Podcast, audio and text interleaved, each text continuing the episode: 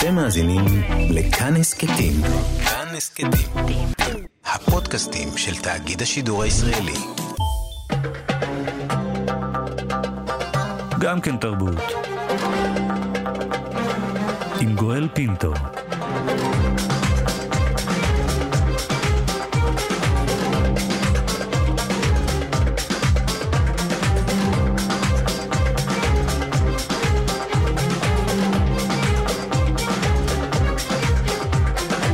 שלום, תודה שבחרתם להאזין לנו. הסכת אה, גם כן תרבות, המיטב מתוך התוכנית היומית שלנו, המשודרת בכל יום ברדיו כאן תרבות, 104.9, 105.3 FM. תהנו.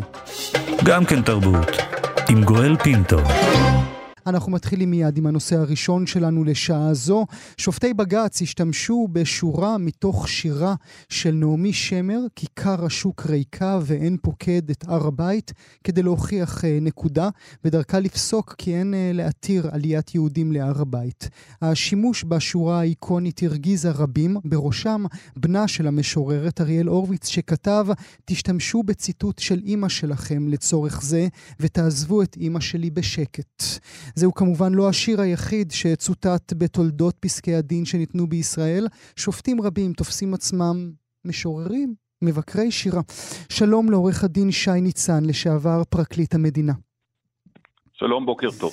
ושלום גם לך, הדוקטור לילך נתנאל, החוג לספרות עם ישראל באוניברסיטת בר אילן. בוקר טוב. תודה שאת איתנו. עורך הדין אה, שי ניצן, השופטים חושבים עצמם אה, משוררים? ממש לא.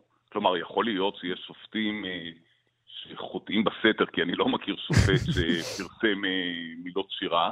אני בעצם כן מכיר אה, נשיאת בית הדין הארצי נכון, לעבודה, נכון. נילי ארד. נכון, היא מוציאה את השלישי שלה השבוע. שאני מכיר אותה היטב, אבל היא התחילה לכתוב שירה, וזה יפה מאוד מה שהיא עושה, אבל רק אחרי שהיא פרשה אה, מכהונתה, למרות שאני בטוח שהיא כתבה גם תוך כדי. כלומר, בהחלט יכול להיות שיש שופט פה או שם שכותב שירה, ויכול להיות שהוא עושה את זה היטב. אבל זה ששופטים מצטטים שירה, זה ודאי לא עושה אותם משוררים, זה עושה אותם אוהבי שירה, מכבדי שירה, אה, ואני חושב שזו תופעה מקסימה. למה הם עושים את זה? תראה, אה, יש כל מיני סיבות. אני חושב שאולי הסיבה המרכזית, אה, למה אנשים מצטטים שירה, אני, אני אעיד על עצמי אולי. Mm, אני עסקתי הרבה מאוד בעניינים של ביטחון וזכויות אזרח. אה, ויש אה, דילמה הרבה פעמים, אה, כאשר לצורכי ביטחון אתה צריך לפגוע באנשים וגם נפגעים חפים מפשע. Mm-hmm. ואתה יודע, אני יכול להסביר את זה ולתאר את זה, אבל כאשר, ולא פעם בהרצאה, כאשר רציתי להמחיש את, את מהות הדילמה, בקצרה, לא יעזור, אני, אני יודע לדבר, אני מקווה, אבל לעולם אני לא אדע לדבר או לכתוב כמו אלתרמן. Mm-hmm. והייתי מביא קטע שגם צוטט בפסיקה לא פעם, קטע מקסים של אלתרמן, שבארבע שורות אה, מתאר את הדילמה, ואני אצטט ברשותך. בשמחה. כי צדיק בדינו השלח, אך תמיד בעוברו שוטט, הוא משאיר כמותה המלח את דמעת החפים מחטא. זה קטע שאלתרמן הגאון ביכולתו השירית ממחיש בו בבהירות ובתמציתיות שאין מה לעשות, במלחמה נפגעים גם חפים מפשע, כך היה מעולם וכך יהיה לעולם. Mm-hmm. וכאשר אתה רוצה להסביר בצורה תמציתית ובהירה וחדה, אני חושב שלהביא קטע של משורר, זה, זה יכול להמחיש הרבה יותר טוב מאשר חמישה עמודים. Mm-hmm. לפעמים, גם, גם באהבה, אנשים הרי לפעמים כותבים מכתבי אהבה ו- ויביאו איזה קטע שירה. למה? כי, כי היכולת הביטוי של המשורר ממחישה ומחדדת הרבה יותר טוב. אני חושב שאולי זו הסיבה, ואולי... לא, לא היחידה, אבל ודאי אחת המרכזיות. ואולי זה כדי להתעלות באילנות גבוהים, אולי זה כדי לומר, גם. אה, אפילו הגאון, אם הגאון אמר, אז אתם צריכים להקשיב.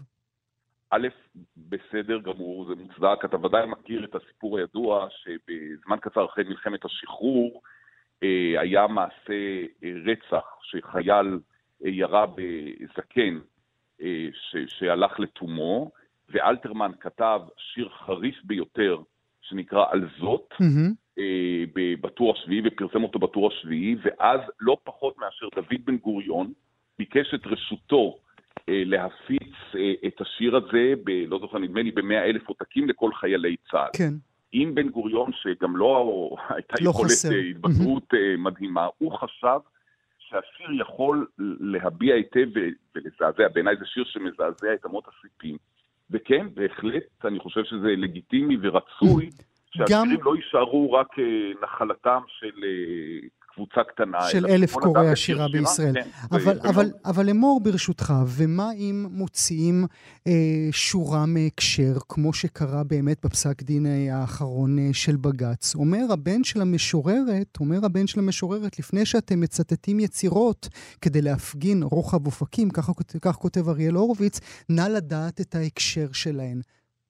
תראה, אני ממש הצטערתי לקרוא את הביקורת, את הציוץ הזה של אריאל הורוביץ, שאני מאוד מכבד אותו ומעריך אותו, אני גם אוהב, הוא הרי הוא יוצר בפני עצמו, mm-hmm. הוא כתב כמה שירים נפלאים, אבל אני לחלוטין לא מסכים עם הביקורת, ואני גם חושב שהוא עשה עוול לשופטים. הוא כתב אה, ש, שהוא מהיום אזרח המודאג מנבערות שופטיו mm-hmm, העליונים. Mm-hmm, אני מבטיח לך שהשופט יצחק עמית, שציטט את השיר, ידע היטב שנעמי שמר לא התכוונה לומר שאחרי הקורונה כיכר השוק ריקה. זה, זה מצחיק להגיד שזו נבערות.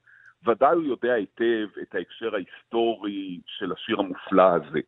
אבל כמו שכל יצירה ספרותית, אני לא חושב, וכולם יודעים את זה, יצירה ספרותית אחרי שהיא יוצאת מתחת ידי היוצר, יש חופש שימוש בה, כלומר, mm-hmm. זה לא יעלה על הדעת, בעיניי לפחות, שהבן של משורר יגיד, אתם לא תצטטו את אימא שלי, אלא בהקשרים... אלא באימונות שלה. שהיא התכוונה. סליחה שאני אומר, אבל קודם כל, אני גם, אין דבר כזה, זכות כזאת להגבלה. זה בסדר למתוח ביקורת, אבל ודאי אי אפשר להגיד, תצטטו את אימא שלכם ולא את אימא שלי. נעמי שמר היא משוררת לאומית מעבר לזה שהיא אמו של אריאל הורוביץ. ואני חושב ש... ההקשר שבג"ץ עשה, הוא עשה שימוש פואטי ורצה להגיד במילים שכמו שאמרתי, ודאי נעמי שמר היטיבה לקלוע לסיטואציה, אני לא חושב שזה מפחית ממה שהתכוונה, אני לא חושב שחלילה איש מזלזל, ובוודאי זה לא מעיד על נבערות. של שופטינו, כמו שהוא אמר, של שופטי העליון. נכון. אה, עוד רגע, ברשותך, אנחנו נצלול לעוד כמה דוגמאות בתולדות המשפט העברי, אבל לפני כן, אה, הדוקטור לילך נתנאל, את מאמינה גם שיש חופש אה, לשופטים לקחת שורה מפה, שורה משם, כדי להראות את ה... את ה... ככה, את הלהטטנות התרבותית של השופטים שלנו? אני חושבת הרבה יותר מזה, אני חושבת שאפילו מעבר למה שאמר כרגע שי ניצן, לא מדובר על, אך ורק על הזכות לשימוש בציטוטים או בדברי שיר, אלא בהכרח או בצורך תרבותי הרחב ביותר בשימוש. השירה זקוקה למבצע, אגב, היא גם זקוקה לסילוף הזה. Hmm. זה לא סילוף, זה הרחבה, זה, זה ממש אה, המבנה של תרבות השיח בישראל, כפי שהוא משתקף בפסקי הדין, שיש להם כל מיני מקורות מלבד השירה. יש את המשפט העברי, יש כמובן את, ה, את הדין, זאת אומרת, פסקי הדין הם, הם המקום של ברור המוסכמות, ברור האסור והמותר, והם עושים את זה מתוך שאלה אל תוך המקורות, ואני חושבת שזה ביצוע מאוד יפה של תרבות השיח. ולמה צריך את הסילוף, הדוקטור נתנאל? השירה עוסקת באמיתות, אבל היא עוסקת בהן בדרכים של אה, הרחבה וסילוף ויציאה כנגד הנורמה של שיבוש. אה, זאת אומרת, השירה היא כזו, זאת אומרת, השירה היא לא עובדתית, והיא לא נסיבתית ואין בה הכרעה. אה, ולכן אה, הסילוף הוא חלק, הוא חלק ממנה, זה חלק מהקריאה שלה, mm-hmm. זה, זה הביצוע. וכל אחד יכול לעשות בה מה שהוא רוצה? אני חושבת שזו הדרך לקרוא שירה, לעשות בה מה שאתה רוצה. איזה דרך אחרת יש לקרוא לשירה? זאת אומרת, שירה לא צריכה אה, שינון בבחינת אה, אה, אה, הדהוד. היא לא אה, מבקשת את זה, היא מבקשת להפך, היא מבקשת את, ה, את ההתדיינות איתה, היא מבקשת את ההרחבה שלה. השירה איננה חוק, mm-hmm. כן, אגב, מה שאנחנו מדברים עליו. זה מזכיר לי כמובן, אה, אנחנו, זה עולמות אחרים, אבל בכל זאת אולי גם זה חלק מהעניין. שי ניצן, כמובן את העיסוק של הנשיאה חיות עם uh, התוכנית uh, אהבה ממבט ראשון uh, בדיון הפומבי שראינו לפני uh, שבועיים שלושים, uh, שבועיים שלושה. זאת אומרת, לקחת דברים מוכרים מאוד ובעצם לתת לנו את תמונת המראה של מה שהם רוצים לומר באותו רגע השופטים. אה, כן, זה, זה סוג אחר, אבל mm-hmm. שם אני חושב שזה הראה אה, משהו אחר, ששופט בתוך עמו הוא יושב. Mm-hmm. כלומר, זה המחיש שהמון אנשים ראו, אני חייב להגיד קצת להפתעתי, אה, היה נדמה לי מעל מיליון איש שצפו בחלק מסוים כזה או אחר של השידור מבית משפט, שזה מאוד שימח אותי, כי אני חושב שזה חשוב מאוד שה...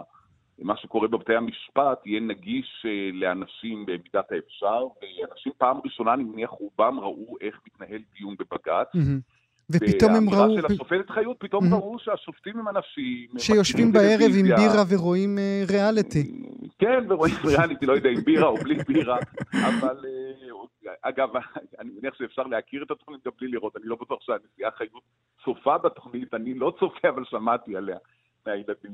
אז, אבל כן, שופט בתוך עמו, ואני חושב שכחלק מהעניין הזה, זה ששופט מביא לא רק תקדימים משפטיים אה, מהארץ ומחו"ל, אה, זה נהוג למשל להביא הרבה תקדימים גם מהמשפט העברי, גם משיטות משפט, כי, כדי להרחיב את האופקים, לא כל החוכמה אצלנו. Mm-hmm. ובהקשר הזה, שופט שמצטט משוררים ומביא רעיונות שלהם, אני חושב שזה דבר נפלא, אני חושב שזה תורם גם להרחבת השיח אודות השירה, גם להפצת הדברים, כי הרבה אנשים קוראים פסקי דין, אבל גם, כמו שאמרתי, ואני חושב שבאמת זו הסיבה המרכזית, שלפעמים משפט אחד או שיר אחד מבטא רעיון בצורה פנטסטית, ושוב, כמו שאמרה דוקטור נתנאל, והסכמתי בכל מילה, אה, כל אדם יכול לקרוא בשיר, זה שיר, בניגוד לפסק דין, את מה ש, שהוא מוצא בו. שזה הקסם של השירה.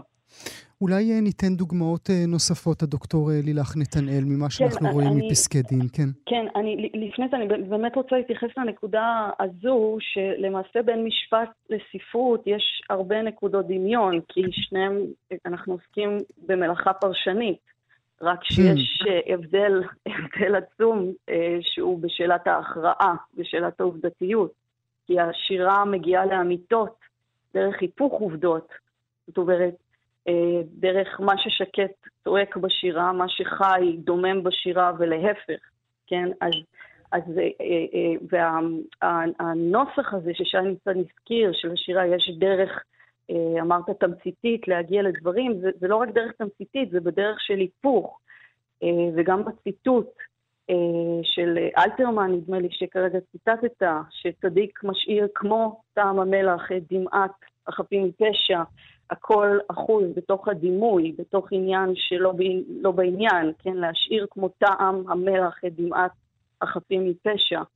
אה, יש אה, אה, דוגמה נוספת של ציטוט מתוך, של יעקב טירקל משנת 98, שדן בהיעלמות של אדם על גבי אונייה, כן? והשאלה אם יש יסוד להניח שהוא מת uh, בתאונה, כן? והשופט טירקל מצטט את דליה רביקוביץ', hmm. שכותבת, אם אדם נופל ממטוס באמצע הלילה, רק אלוהים לבדו יכול להרים אותו. רק אלוהים מכיר את סוף הנפילה. אז זה, זה רגע של ציוות נורא יפה, כי מול השופט טירקל יש מקרה של אה, אה, עובדתי של, אה, של אה, אונייה, והוא מביא את האם של המטוס של רביקוביץ' כדי להסיק ממנו, רק שהאם של המשוררת כל כך כל כך שונה מהאם של, ה, של השופט, כן? הרי המשוררת לא מדברת על מקרה שקרה, mm-hmm. ולא מדברת על נסיבות, אלא היא מדברת על, על אה, מקרה אה, לא מציאותי, זאת אומרת, האם של רביקוביץ', אם אדם נופל ממטוס באמצע הלילה, היא מתכוונת להגיד שבכל לילה כל אדם נופל mm-hmm. ממטוס בנדודי שינה, בהרהורי לב, בדאגות וכן הלאה.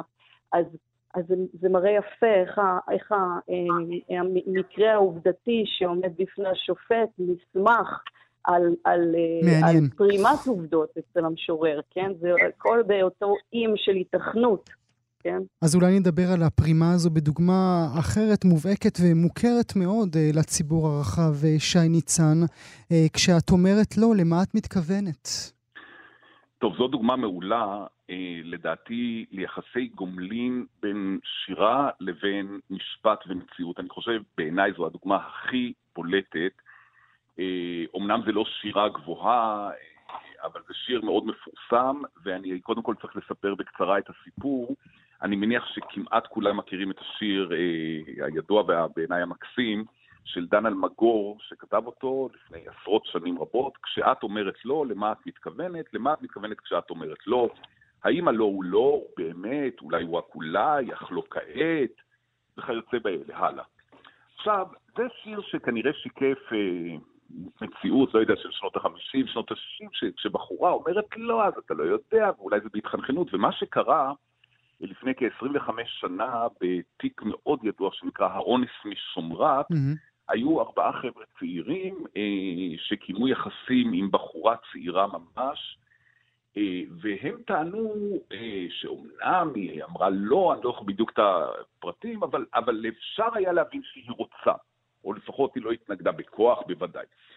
והעניין הזה הגיע לבית המשפט העליון, וישב השופט חשין, והזכירו שם את השיר, והוא באמת אה, מדבר על השאלה, קודם כל הוא קובע כ, כעובדה משפטית, או ככלל משפטי, אה, הוא אומר, לפעמים אה, אה, יכול להיות מה שהבחורה אומרת, ניתן להבין, אבל הוא אומר, לפעמים גם אינוס שלא בברוטליות, אה, עם זאת, אם הבחורה לא מסכימה, וברור מהנסיבות שהיא לא מסכימה, הוא אינוס. Mm-hmm. ובעצם הוא אומר, הנה, יש את השיר שלפעמים זה לא להאמין, סנגורים הסתמכו עליו בעולם המשפט, ואמרו, mm-hmm. הנה, אתם רואים, אפילו דן אלמגור אמר, כשאת אומרת לא, למה את מתכוונת? לכן זה שבחורה אומרת לא, זה לא אומר. והשופט חשין אמר, סליחה, עד כאן, ואני אקרא קטע אחד מאוד יפה על השיר, הוא אומר, האומנם כך הוא? האומנם לא הוא אולי? האומנם לא הוא בו? האומנם לא הוא כן, ואף יותר מזמין מכן? אין ספק בליבנו שהפזמונאי כתב דברים שכתב בחיוך, בקלילות ובבדיחות דעת, בוודאי בכישרון.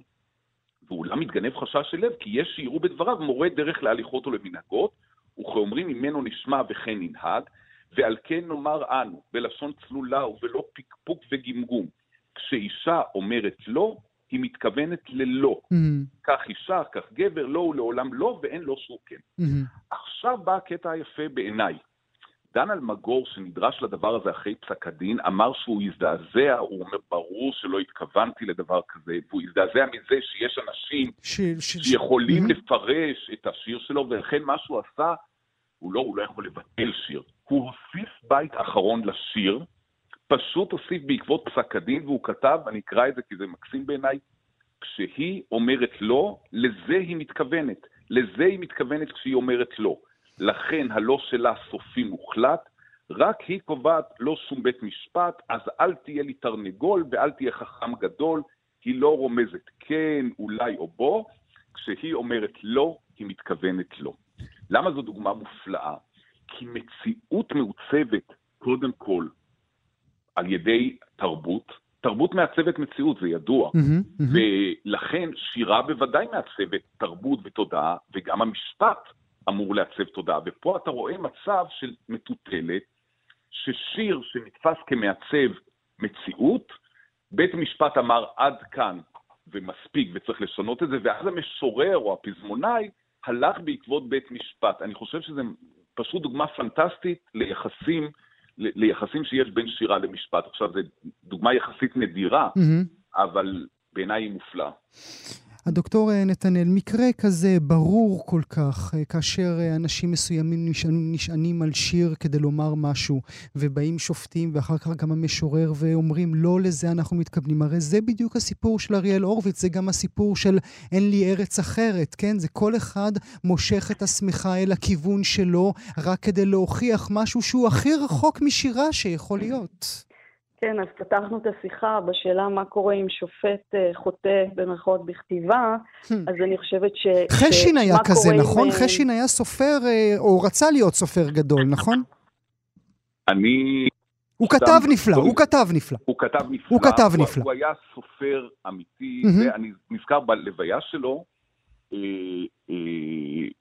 שאלו אותי מה אני יכול להגיד על חשין, ואז אמרתי באיזה ריאיון, אמרתי, חשין היה משורר המשפט. כך כן, כן, כן, כולם, כולם דיברו על כך שהאיש פשוט הוא, כתב נפלא, כן. הוא פשוט כתב נפלא, אגב, הוא לא השופט היחיד, יש עוד כמה שופטים שכותבים נפלא, אבל הוא באמת היה זה היה, אני זוכר, קראתי פסקי דין שלו, ממש זה כמו היה כמו חוויה של לקרוא כן, ספר. כן, ממש, ממש פרוזה. כן, הדוקטור נתנאל, בבקשה. כן, לא, אז, אז זה המקרה, זה המקרה שאנחנו מכילים אותו, אבל אני אומרת, למרות המקום שאפלטון מייחד למשוררים, אני, אני סבורה שאיש מאיתנו לא היה רוצה להישפט בידי משורר.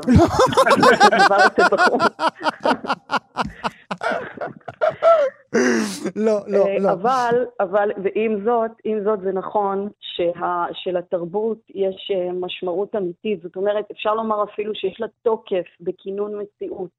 אה, ואת התוקף שלה היא מקבלת, האמת היא ש, שחשבתי שהדוגמה המכוננת ביותר לתוקף של שירה זה בהחלט באזור של אלתרמן והטור השביעי, mm. בדבר, ובתוך זה כמובן מגש הכסף, אה, אותו, אותו שיר מ-47 שנכתב בעקבות דברים של מדינאי, כן, שמדינה איננה ניתנת לעם על מגש של כסף, ואז ההמחזה השירית של העיקרון הזה, כן, דרך והארץ תשקוט אין שמיים אודמת, כן, הוא, הוא, הוא יפה, כיוון שהוא ממחיש את האופן של, של בעצם של אה, שאלת השזירה של המקורות אה, ודרכם כינון של תרבות שיש לה רצף, שיש mm. לה הווה, והווה הוא הווה של קריאה וכתיבה, קריאה והרחבה, קריאה וסילוף, קריאה ופרשנות, כן?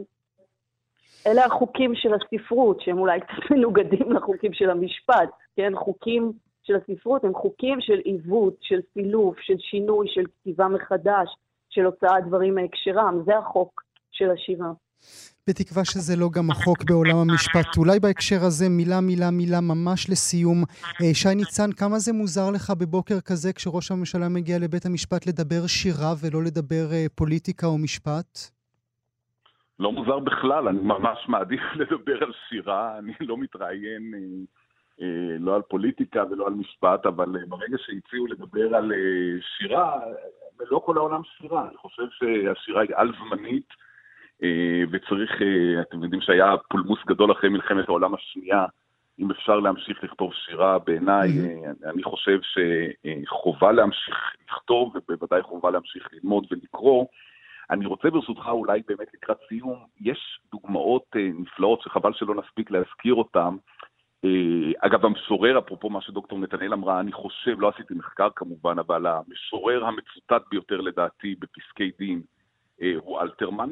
אה, השופט רובינשטיין והשופט פינקלשטיין, שני שופטים, אחד בעליון, אחד במחוזי, אה, שניהם אוהבי ויודעי אלתרמן ומצטטים אה, לא מעט. אבל אני דווקא רוצה להתייחס אולי לשתי דוגמאות מאוד מרגשות, אני חושב. היה לא מעט פסקי דין שהתווכחו מה כותבים על מצבות. Mm. כאילו, אתם יודעים שבנושא כיתוב על מצבות, בעיקר של חיילים, של חיילים כן. יש כיתוב אחיד, mm-hmm. אבל במשך השנים המדינה השתנתה, והיום ניתן יותר מקום לביטוי אישי, והיה על זה פסקי דין קשים וקורעי לב. ובהקשר זה, בשני פסקי דין שונים, אחד, ציטטו את אה, יהודה עמיחי, אה, שאמר את הפסוק הנפלא, מן המקום שבו אנו צודקים, לא mm. יצמחו לעולם פרחים mm-hmm. באביב, המקום שבו אנו צודקים הוא רמוס וקשה כמו חצר. Mm-hmm. אני חושב שבשורות האלה ממחישים ש, שאין צדק מוחלט, להפך, אולי לפעמים צדק מוחלט זה דבר בעייתי, ו, וצריך לנסות להגיע ל, להבנה בין צדדים. אין, קשה לנסח את זה בצורה יותר טובה. ובאותו הקשר, השופט אילון ציטט גם שיר ידוע מאוד כמובן של זלדה, לכל איש יש שם שנתן לו אלוהים ונתנו לו אביו ואימו, שזה שיר שממחיש כמובן שלכל אדם יש שמות רבים, וזה היה במקרה נורא שבאמת ההורים של המת, mm-hmm. ואשתו, האלמנה, התווכחו מה לכתוב. Mm-hmm. אני באמת חושב שאלה דוגמאות אה, שממחישות כמה השירה יכולה להוסיף אה, אה, אה, למי שקורא את, ה, את פסק הדין, להעמיק את התובנה ואת ההקשרים. אגב, רק אני רוצה לציין בטובת חבריי, העורכי דין, לפעמים גם עורכי דין או באי כוח המדינה, הם מצטטים שיר mm. בכתבי בית דין שהם מגישים לבית משפט, שזה בדרך כלל זוכה לפחות פרסום, אבל שוב, זה, זה אותה מטרה, חברתי לעבודה, דינה זילבר, המשנה ליועץ המשפטי לממשלה, אה, לא פעם ולא פעמיים ציטטה גם קטעי פרוזה, אבל גם קטעי שירה.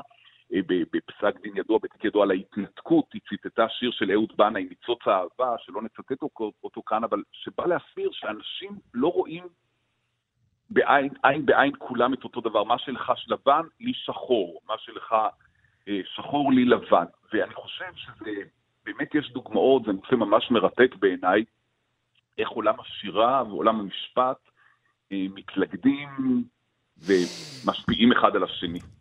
נאמר uh, תודה. הדוקטור לילך נתנאל ושי ניצן, תודה רבה לשניכם שהייתם איתנו הבוקר. תודה, תודה. בשמחה.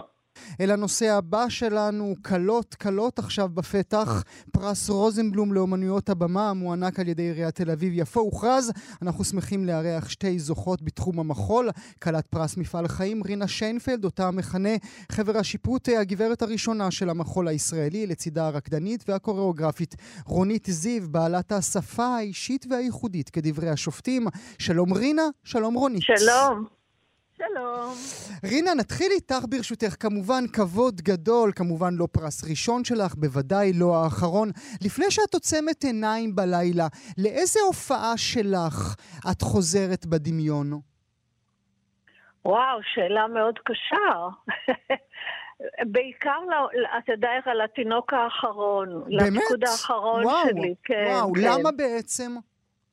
כי את- אני מחוברת אליו מאוד ואני אוהבת אותו מאוד, אבל זה תמיד קורה שהריקוד האחרון הוא האהוב ביותר, אני לא יודעת למה. אבל אתה יודע, זו שאלה כמו את מי אתה אוהב יותר, את אבא או את אימא. אבל אולי זה גם אומר לי שאת לא סנטימנטלית. שאני לא סנטימנטלית, נכון. אני יותר מדי סנטימנטלית לדעתי. אה, אני אגיד לך מה, בייחוד כי הריקוד הזה עם שירים שלי גם, אז אני בטח סנטימנטלית. אז איך הרגשת באמת כאשר מודיעים לך אה, שאת מקבלת פרס נוסף, הפעם למפעל חיים? אני כמעט בכיתי, כן. כי זה בא בתקופה, אתה יודע, מאוד מאוד קשה, מאוד מבולבלת, מאוד, אה, איך, ש... איך להגיד, מטורפת, שאנחנו כבר חודשיים באיזה מין בלבול. אה, וחיפוש ו... ומציאה, אז זה, זה, זה בא לי ברגע שממש בכיתי, כן. ואני מאוד מודה ל... לעיריית תל אביב שהיא חושבת על האומנים ושהיא אה, מעניקה להם גם פרסים מדי פעם. איך חווית באמת את תקופת קורונה? תראה, אני עדיין חווה את זה, זאת אומרת, כבר יותר טוב קצת, אבל אני חווה את זה כחוויה מאוד עמוקה, מאוד חזקה. אה, קודם כל, אני עבדתי יצירתיות בלתי פוסקת. אתה רואה, כל העולם עכשיו יצירתי, אז, אז בטח האומנים עוד יותר יצירתיים. אה, גם הרבה נכנסתי לתוך ההיסטוריה שלה, יש לי כל כך הרבה סרטים וחומרים בארכיון, שנכנסתי לראות וראיתי את הסרטים וראיתי את כל מה שעשיתי, ואני לא מאמינה ש... שזה מה שעשיתי, זאת אומרת, זה קצת uh, מטורף. אז אני מאוד עסוקה ומאוד נלהבת ומאוד uh, נרגשת ומתעייפת מכל הבלגן שאני נמצאת בו. מה זה עשה לגוף שלך? Uh, מצד אחד, uh, אני יורדת לרקוד uh, בצורה נועזת, אבל יותר רגשית. אני עוד יותר מאמינה שהגוף הוא לא שריר אלא שיר. Mm. כן. ו- ו- ומה שמספק אותי זה באמת כשהגוף שר. Mm-hmm.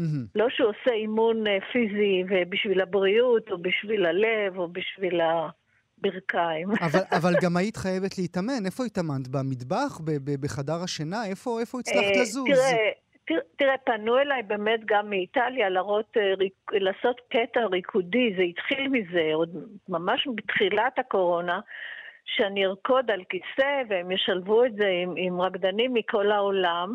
אז רקדתי על כיסא, זה בסדר, ו- ו- ואחר כך גם רקדתי על ספה, באך על ספה, ויש איזה מין אה, אקסטזה כזאת, אה, לטובה ולרעה. יש גם בדידות נוראה, יש גם געגוע נוראי. ואני מתאמנת, כי יש לי סטודיו למטה בבית. אז Mm. אני כן יורדת לפעמים, אבל האמת שהמאבק הוא גדול מאוד אם לרדת או לא לרדת, לרקוד או לא לרקוד. אני עוד רגע ארצה לשאול אותך, ברשותך, רינה, אה, ארצה בעוד רגע לשאול אותך, אה, איך ייראה, איך תיראה הפגישה המחודשת שלנו בין היוצרים לבין הצופים? איך אתם כרקדניות תרגישו מולנו שפתאום אולם מלא, ואיך אנחנו באולם החצי מלא אה, נרגיש כלפיכן. אבל לפני כן עוד נעבור אה, לרונית זיו. שלום רונית, גם את היי. כלת אה, פרס רוזנבלום לאומנויות הבמה. אה, כן. מי רינה שיינפלד בשבילך ועוד לקבל את הפרס יחד איתה? אה, אוקיי. רינה שנפלד היא קודם כל אה, קולגה מאוד מכובדת, שאני מאוד מעריכה, ואני מכירה אותה משהייתי אה, ילדה קטנה. היא הייתה סולנית בבת שבע, אה, למדה בג'וליה, למדה, הייתה חברה של פינה בארש, ו- ו- ו- ורוקדת ויוצרת ללא הפסקה, זה בהחלט מודל. עבורך היא מודל. ואת, באיזה רגע את מבינה שזה העתיד שלך, שהמחול זה החיים שלך? אמ, באמת הייתי מחלקת את זה לשתי תקופות. תקופה ראשונה שרקדתי והייתי ילדה מאוד מאוד מוכשרת. רקדתי ארבע-חמש פעמים בשבוע והופעתי, ותמיד קיבלתי תשואות, אבל תמיד הייתי במקום מקדימה באמצע, אבל אתה יודע, ככה. ואז עד להחלטה, שזה הגיע בגיל יותר בשל, כשהייתי בפסטיבל וידאו דאנס בפריז, ופשוט לא יכולתי להעתיק את עיניי, וישבתי וישבתי וראיתי, וחשבתי שזאת האומנות הכי עכשווית, הכי מופלאה, הכי נועזת, הכי מגרה, וסוף כל סוף משהו שאני מבינה, והבנתי שזהו, זה הייעוד שלי להיות קוריאוגרפית. זאת אומרת, יש, אני, אני קצת מבדילה בין הרקדנות לבין הקוריאוגרפיה, הפעולה הקוריאוגרפית, הרצון לראות מרחב, לראות רקדנים ו- ו- ולדבר לדבר את זה. בכלל. מרחב זה משהו שמעסיק אותך מאוד, לאורך מאוד שנים, באנסמבל שיצרת, אנסמבל רונית זיו. אה, נכון. אני בעצם אה, מנסה דווקא להפגיש כמה מרחבים, זה נורא מצחיק, כי עכשיו שאנחנו מדברים, אני אני נמצאת במרחב דרומי, אני בדימונה. אני עובדת עם קהילת העבריים. ונוסעת לשם פעם בשבוע, זה איזשהו מרחב אחר שמתגרה ליצירה ול... אה, אם תרצה, אקטיביזם. אבל אני מנסה לחבר בין כמה מרחבים, בין המרחב, אה, מרחב הבמה או מרחב, כל מרחב שתחליט שהוא במה, לבין המרחב השפתי של השפה, של טקסטים אה, ומרחבים תודעתיים. אז אה, כשכתב אה, ז'ורז' פרק חלל מרחבים וכו', כמובן. אז זה היה לנו בית ספר נורא טוב. כן, זה בכלל ספר מצוין לקרוא אותו בימות קורונה, זה מה שאני עשיתי לפחות. ממש ככה. ואם נד- שאלת על סטודיו, לא, אין לי סטודיו, Mm. אבל פיניתי את כל הרהיטים בסלון, והיה לי סטודיו, וחשבתי שהם נורא מיותרים. הצטערתי להחזיר אותם. כן. אולי אה, נשאל אה, ככה, אה, לפני שנעבור חזרה לרינה, לנשיות שלך, יש חשיבות ליצירה שלך? Mm, חד משמעית, כן. אה, זה, אני מרגישה שדרך הקוריאוגרפיה ביטאתי והבאתי לידי ביטוי קול נשי, ולפעמים דווקא של דמויות שהן לא דמויות נוצצות.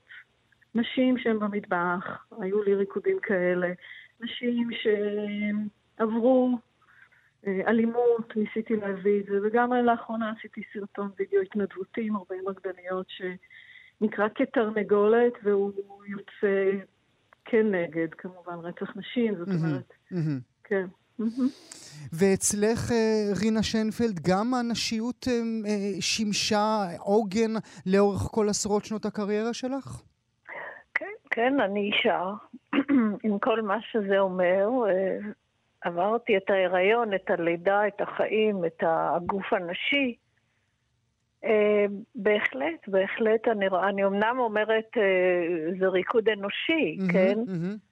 אה, אבל כן, בהחלט. אבל, אני, אבל זו אני. אני, אני בכלל לא בטוח שזו שאלה הוגנת. אני תוהה תוך כדי שאני שואל אתכן, אם הייתי שואל את אותה שאלה את אוהד נהרין, אם הייתי שואל את אוהד אם הגבריות שלו אה, שימשה עבורו כעוגן לאורך עשרות שנות קריירה. אני חושבת שאוהד מאוד מעריץ את, ה, את גוף האישה. מהמם. אז הוא מאוד מאוד, אה, השפה שלו גם גברית, אבל uh, הוא בהחלט uh, uh, מעריץ את האישה, את Mhm. גוף האישה. ככה אני מרגישה. יש לי איזה ניחוש מה הוא היה עונה. מה הוא היה עונה, רונית? גוף הוא גוף, הוא לא, הוא לא כן, מתעסק, לפי כן, דעתי, כן, כן. בהגדרות כל מהמם. כך אה, ספציפיות. אה, ואני רוצה רק להדגיש שכשאני אומרת נשי או כל נשי, אז זה לאו דווקא שהגוף הנשי הוא צריך להיות רך ו... אמ, כמובן, כמובן. רינה, איך ייראה המפגש הבא שלנו? תראה, השאלה שלך שהצגת בפניי קודם היא מאוד מרגשת, מאוד מעניינת, כי זה גם אחד הנושאים שחשבתי להם הרבה, אמ, אה, אה, אה, שאני חושבת עליהם בשנים האחרונות בכלל, מה היחס בין אומן קהל. אני חושבת שבנינו חיץ גדול מדי בין במה ואומן, ו... ולקראת זה הלכתי גם בריקודים החדשים, שני הריקודים החדשים שלי, אחד סולו ואחד להקה, שאני משתפת את הקהל, עושים את זה הרבה לאחרונה, כן, בשנים האחרונות, אבל עשיתי את זה בצורה עוד יותר אה, משמעותית. ועכשיו, פתאום, כשקיבלנו הנחיות שחוזרים לבמה, אבל לא תהיה הפסקה, למשל. אז הבנתי שלא רק לא תהיה הפסקה, אלא אני בטח לא יכולה לעלות על הבמה את הקהל ולרקוד איתו ביחד, אתה מבין? אז השמר... אני צריכה אני- אני להתחיל אעלה, לעבוד על אני זה. אעלה, כן, כן, כן. אבל לא מרשים, Mm. אני לא מרשים לי, Mm, mm. אני חושבת. אז זה חבל לי, ואני הולכת לעשות אה, כאילו קוריאוגרפיה חדשה לסיום של הריקודים שלנו, ואני באמת מתלבטת, הלילה לא ישנתי בגלל זה. מה, מה, אני, מה אני אעשה במקום הרעיון הזה, אבל זה בסדר. מהמם. ההפך זה גם הדבר אני, אני, רק, עצמו. אני, אני, אני אשמח גם לתשובה מרונית, אני רק אומר לך, רינה, אני חושב שאנחנו כל כך צמאים, כל כך מתגעגעים אליכם, שלא משנה מה תעשו על הבמה, אנחנו נמחא כף. אין לכם מה לדאוג בכלל. כן. זה כיף לשמוע. אני מצטרפת לרינה, אני חושבת גם כן הנושא של החיץ מהקהל ו... ומופע הוא באמת משהו שכל הזמן כבר אה, שוברים אותו ומתגרים בו. גם אני קמתי עם השאלה הזאת היום בבוקר, אמרתי, אוקיי, ממשיכים חזרות, אבל איך, איך זה ייראה? איך זה ייראה, המרחב הזה? איך, איך נופיע את זה? אז אה, אני גם חושבת שהרבה הרבה יקבל דגש אה, מה שכבר היה, אבל עוד יותר וידאוים ועוד יותר מרחב דיגיטלי וויראלי, והדברים האלה פתאום ימשיכו. מה שהתחיל בקורונה מאוד מאוד חזק, כל מיני מופעים ויראליים כאלה. הלוואי. כן, ל- כן, רגע, רינה. אה, לבד, מהעניין של הב- באמת מרחק, אני גם, גם החיץ הזה שפעם חינכו, או שהקהל חשב, או שהעיתונאים חשבו, שהם באים כדי לבקר את הריקוד, אמ, או את אמ, המופע. אמ, אמ. ואני לא מאמינה בזה, אני חושבת שהקהל בא כדי לקחת חלק בוודאי. ביצירה מהמם. של הריקוד גם, לא רק ב... אה, במחיאות כפיים, מהמם. ולא רק בביקורת ולהגיד כן זה טוב או זה לא טוב או זה עשה ככה, אלא כן לקחת אלא חלק. באמת לחוות אה, את הדבר הזה, בוודאי ולקחת בעבודות כמו חלק. שלכן. נאמר אה, תודה ושוב אה, מברוק על שתיכן, אה, פרס רוזנבלום. לאמנויות הבמה. תודה רינה רבה. שיינפלד ורונית זיו, תודה שהייתן איתנו היום. תודה רבה. אחד מ-12 לוחות גילגמש שמוצג במוזיאון התנ"ך בוושינגטון הוחרם על ידי השלטונות האמריקאים בטענה כי מקורו בביזה. זו לא הפעם הראשונה שמוזיאון התנ"ך האמריקאי מואשם בהצגת פריטים מזויפים או בזוזים. במקרה של לוח גילגמש התעלומה מסתבכת כיוון שעכשיו המוזיאון תובע את בית המכירות הפומביות קריסטיז בטענה כי הלוח נמכר דרכם והם אלה שהיו צריכים לבדוק את המקור שלו. נדבר על הלוחות האלה, על חשיבותם. נעשה זאת עם גליה דורון, מרצה בתחומי ארכיאולוגיה, מקרא ותרבויות המזרח הקדום, ממכון אבשלום. שלום לך. שלום ובוקר טוב. היכן אנחנו מתחילים בסיפור הזה, הסבוך שאנחנו מספרים? אולי נתחיל בגילגמש והלוחות. אוקיי, אז קודם כל הסיפור של גילגמש. הסיפור של גילגמש הוא, הוא אפוס אה, שמספר על אה, גיבורים ואלים, ובזמנו, לפחות מהתקופה השומרית, שזה בערך 4,500-5,000 לפני חמשת אלפים שנה. אה, או שלושת אלפים לפני הספירה, משהו כזה, למרות שהטקסטים שהתגלו הם מתקופות שונות ומאוחרות יותר. Mm-hmm. אבל הסיפור הוא סיפור על גילגמש, שהיה מלך, אחד מהמלכים הראשונים של העולם השומרי, שהוא על גבול המיתולוגיה והמציאות, אה, והוא היה המלך של ערך, הוא בנה זאת אחת הערים הראשונות בעולם, שנמצאת עד היום, התל שלה נמצא בעיראק. והסיפור עליו אומר שהוא היה מלך אה, רב תושייה וחזק מאוד וגיבור מאוד. היו לו כמה תכולות שליליות, למשל, אה, כל כלה שעמדה להינשא, הוא דרש את זכות האדון כמובן. לפני בעלה, אה, והאלים מאוד כעסו עליו, אבל הם לא יכלו להעניש אותו מפני שהוא היה שליש אל ושני שליש אדם. ולכן הוא לא היה בר ענישה. ואז הם חשבו על רעיון מתוחכם מאין כמוהו, mm. הם יצרו יצור אה, חצי אנושי אה, בשם אנקידו, שיהיה יותר חזק ממנו ושהם יתמודדו זה עם זה, וזה יהיה העונש שלו.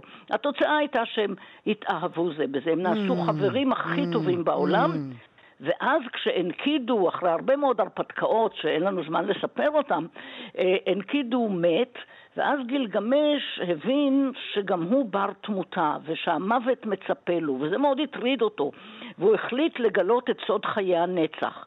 וסיפרו לו שיש אדם אחד ששמו אוטנפישטים, שהוא ניצול המבול, והוא יוכל לגלות לו את סוד חיי הנצח.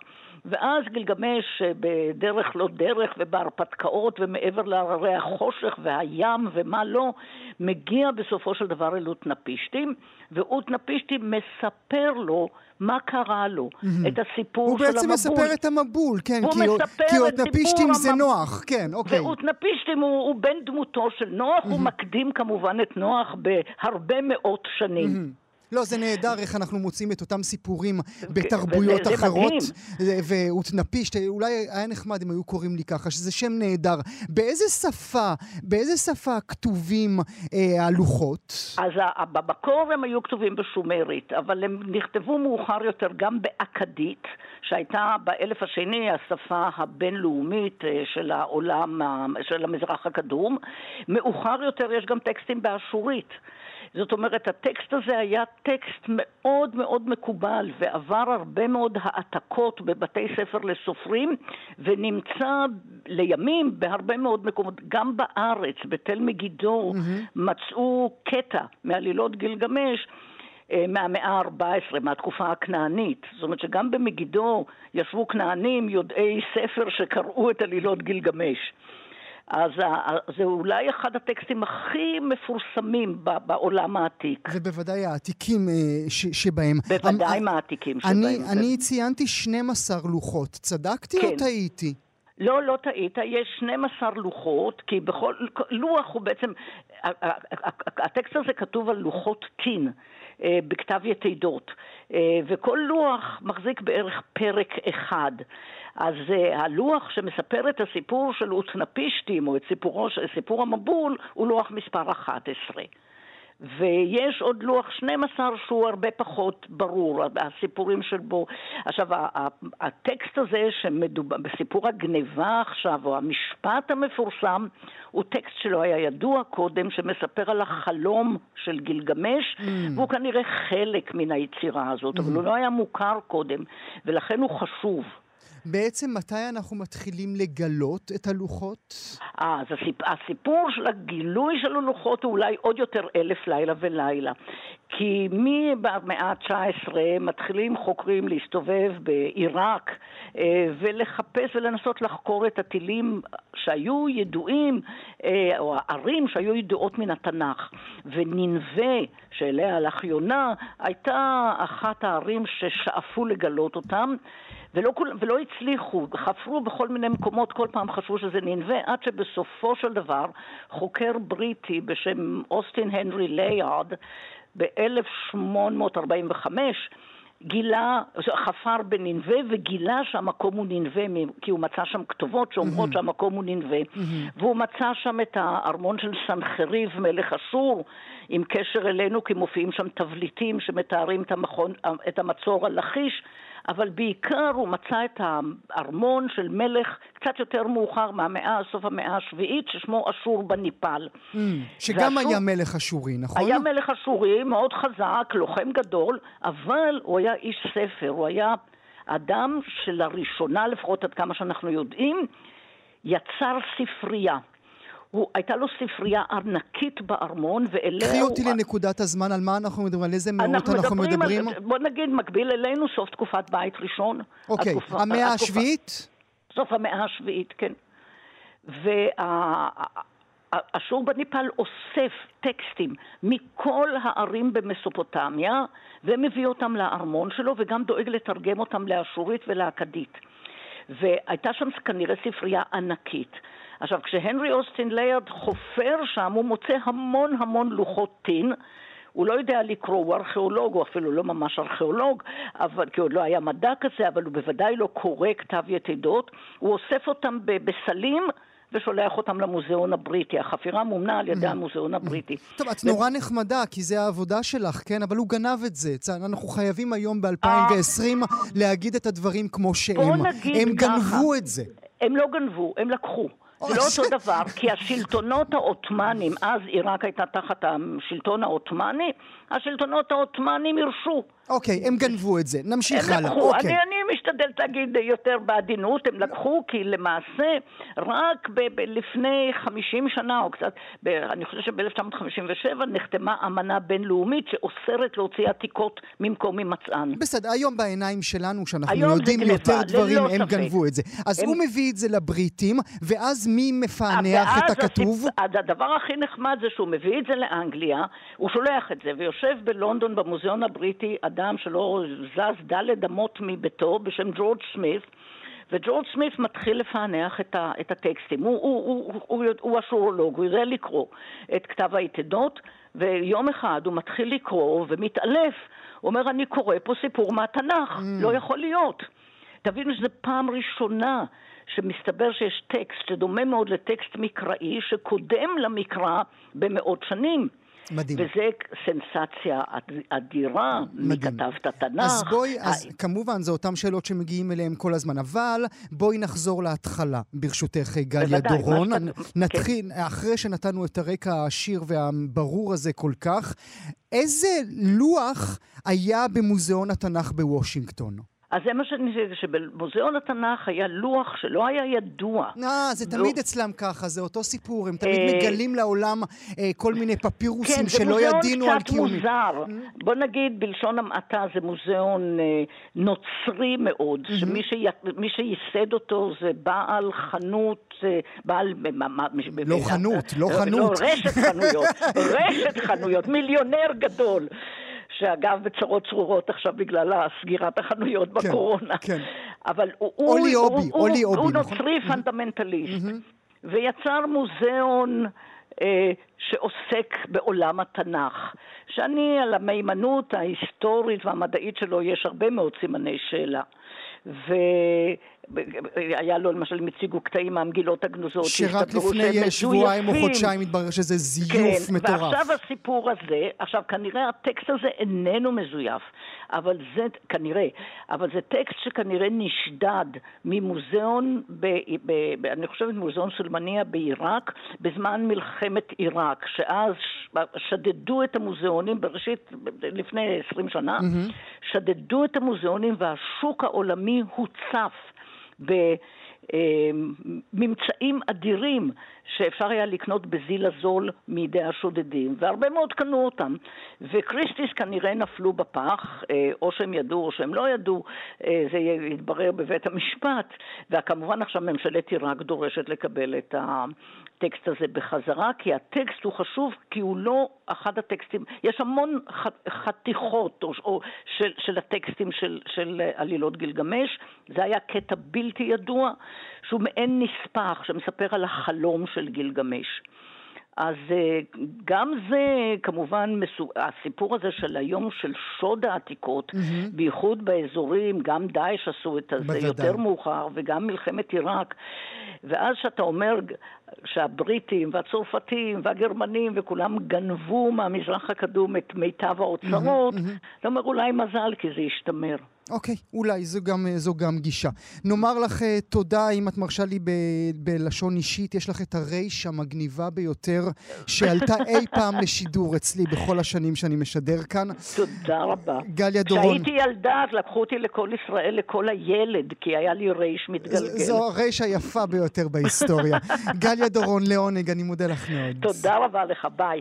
חג השבועות ייחגג מחר, וליל השימורים שלו, תיקון ליל שבועות המסורתי, יתקיים אה, כמו אירועים רבים בימות אה, קורונה באופן אה, מקוון. בעלמה, בית לתרבות עברית, יקדישו את ליל השימורים לנתן אלתרמן ולעיר תל אביב. נמצאת איתנו עכשיו הדוקטור רות קלדרון, חברת כנסת לשעבר, ובעיקר מייסדת עלמה. שלום לך, תודה שאת איתנו היום. שלום, שלום גואל. את יודעת, אתם עושים מעשה חתרני, כי כשאנחנו עוסקים בקודש, אנחנו בדרך כלל מחברים אותו לירושלים. והנה אתם אומרים, לא, דווקא ליל שבועות uh, מתן תורה, אנחנו מחברים אותו לתל אביב. זה שובבי קצת. נכון מאוד, אבל עלמה מתחילתה, וזה התיקון ה-24 שלנו, באמת ספינת הדגל של עלמה, רואה את תל אביב כמרחב יהודי חשוב מאוד. איזו תרבות העברית שאלתרמן והמשוררים והסופרים בני דורו אה, יצרו ולמדו ומסרו, אנחנו רואים כחלק משמעותי מהיהדות של, של הדור שקדם לנו והדור ש, שלנו. יש לנו הרצאה בתוך הלילה שנקראת תל אביביזם, אה, של דוקטור ג'רמי פוגל. Mm, הוא נפלא. שמדבר, כן, נכון. הוא כן, נפלא. הוא אה, ראש הוועדה האקדמית שלנו, שמדבר באופן מפורש על הבחירה שלנו לשים את עלמה בתל אביב, ולא לצד הרבה מהקולגות שלנו, אה, מוסדות יהודיים שבדרך כלל פועלים הולכים בירושלים. בירושלים. אז מה, בעצם להעמיד את הטקסטים הדתיים מול אלתרמן, אחד מול השני, אחד שווה לשני? תראה, כן, ה- זה לא שווה וזה לא מול, אבל זה אחד המשך של השני. כלומר, אני רוצה להראות בפונדק הרוחות, אנחנו, השחקנים אצלנו יעשו הקראה דרמטית של פונדק הרוחות, ואחר כך דוקטור מירב רוט ואני נלמד בקריאה פסיכואנליטית ותלמודית, ונראה שאלתרמן הכיר את סיפור, הסיפור התלמודי ברבי עקיבא ואשתו, מהמם. ויצר את פונדק הרוחות, מחזה שהוצג ב-61, 1961, כמדרש על הסיפור התלמודי. זאת אומרת, שני, הג- שני הגברים שם, גם ברבי עקיבא וגם בפונדק הרוחות, הגבר הזה שהולך, הולך להרבה שנים, נכון. נעלם. אוקיי. נכון. לא נעלם, אבל יוצא לאודיסאה שלו, כמו פרגינט וסולווג, כמו אודיסאוס, כמו רבי עקיבא, גם חננאל ואולי גם אלתרמן בעצמו, מרגיש את המחויבות לצאת למסע הגדול למציאת הפרויקט שלו בחיים. אם זה פרויקט דתי אצל רבי עקיבא, או אומנותי אצל חננאל, גיבור בונדק הרוחות, אני רוצה לטעון שאלתרמן מייצר פה מדרש, מהמם. שזה דבר מסורתי לעשות. מהמם. לקחת דבר עתיק, להכיר אותו היטב, ולנסות להגיד אותו בתנאים שאמיתיים לנו היום. בשבילו האומנות ולא הדת היא מה שמניע מניע אותו, והשאלה של היחסים אל האישה שנשארת בבית. שזה גם ההבדל בין שני המדרשים, עוד רגע נדבר עליהם. אבל את, את, את אומרת רבי עקיבא, ואני קצת אה, בשרי חידודין חידודין, כי הסיפור הזה של רבי עקיבא שמותיר את רעייתו מאחור למעלה 24 שנים, נכון? כך על פי, ה, כן, כך על פי 12. הסיפור. אם בעלי ישאיר לא, אותי כן. 24 ימים לבד, אה, לא יהיה לו לאן לחזור הביתה. אבל זה מעניין, אני, הסיפור התלמודי לא אומר שהוא עזב אותה, אלא אומר שהיא שלחה אותו. היא, בתו של בן כלבא שבוע, מעשירות צפון תל אביב שלה, או ירושלים של, של הדור, של התקופה, מאסה בכל המחזרים העשירים שלה, ובחרה בבחור המעולה והצנוע, הרועה של אבא שלה, שלא ידע קרוא וכתוב, הלכה אליו ואמרה לו, אם אנסה לך, תנסה לי, היא לא יכולה לקדש אותו, אבל אם תקדש אותי, תלך ללמוד תורה? והוא רק אומר לה, כן. Mm. כלומר, היא המניעה את הפעולה, היא כמו חצי אלה בתחילת הסיפור. היא רואה אותו, יודעת אותו, בוחרת אותו, כמו שאלוהים בוחר את הרועים שלו אה, מהצאן, ומייצרת לעצמה את הבן זוג הראוי לה. אז אין שם הרגשה, למרות שאתה צודק מאוד שהסיפור הזה, אה, מש, משתמשים בו היום לחינוך בנות, לוותר mm-hmm. באיזשהו אופן, mm-hmm, mm-hmm. ולתת לגבר אה, ללמוד תורה, והן נשארות בבית, אבל החוויה היא לא של ויתור על עצמה, אלא שהזוג הוא... אה, הכוח שיכול להגיע מעניין. לפרויקט, ולא אבל, אדם לבד. אבל אולי אלתרמן חשב כמוני, ולכן בפונדק הרוחות שלו אה, הוא חוזר אחרי כמה שנים, לעומת הסיפור של רבי עקיבא?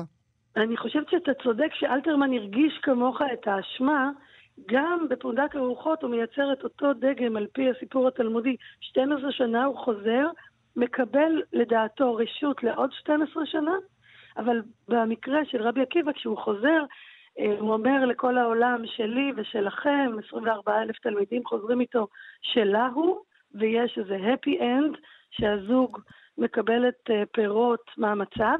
ובפונדק הרוחות, אחרי שהוא חוזר ב-12 שנה ומקבל לדעתו רשות ללכת שוב, היא באמת מתה באותו לילה, והקריירה שלו נגמרת. הוא כבר לא מנגן כמו קודם, והוא חוזר אחרי 24 שנים לפגישה לאין קץ. Mm. כמו שאתה אומר, כבר אין אל מי לחזור, ויש איזו הכאה על חטא, ותחושה לגמרי אחרת אה, של כמה אנחנו יכולים לבקש מבן הזוג או בת הזוג mm. קורבן. כמה אנחנו והאם יכולים. והאם באמת הפרויקט המשותף הוא משותף ולא... מה מצבכם, אה, מה מצבכם, הדוקטור קלדרון, בזמן קורונה?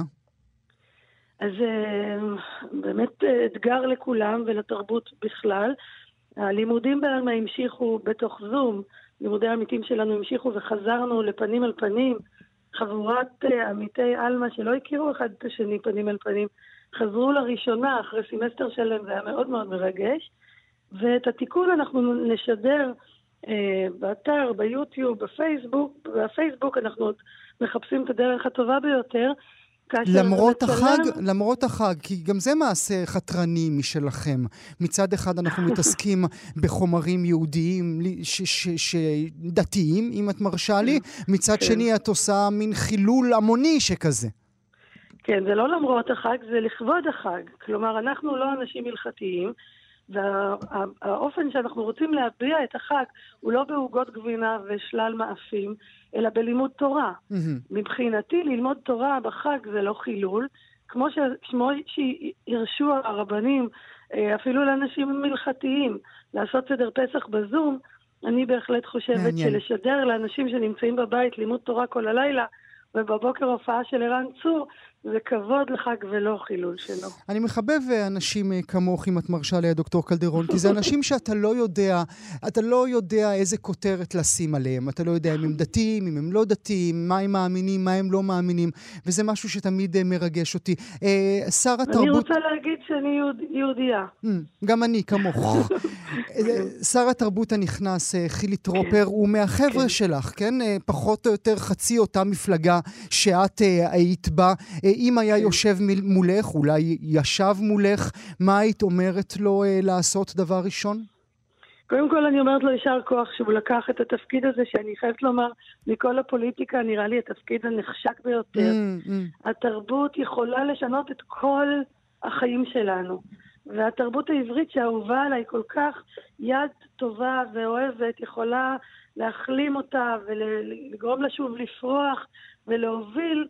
אני חושבת שהתרבות מובילה גם את הכלכלה וגם את הביטחון, את כל השפה שלנו.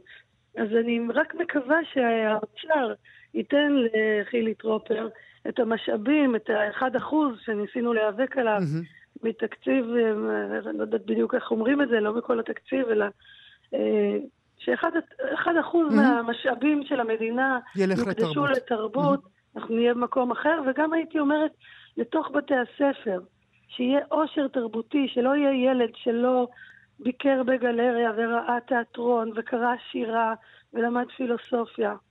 שנהיה ראויים להיות uh, עם הספר ובאמת לחגוג את החג הזה שקיבלנו תורה ושזכינו להיות עם של ספר. חג שמח לך, אה, הדוקטור רות קלדרון. תודה רבה תודה לך שהיית איתנו. תודה רבה על כל העבודה שאתם עושים כל השנה, שהיא שהיא חגיגה של תרבות. תודה רבה לך. תודה רבה לך, דוקטור קדרון. כאן הגיעה לסיומה תוכנית נוספת של גם כן תרבות. כרגיל, אנחנו שולחים אתכם לעמוד הפודקאסטים שלנו, עמוד ההסכתים, בכתובת כאן.org.il/פודקאסט, שיהיה לכם מה להאזין. תודה שהייתם איתנו.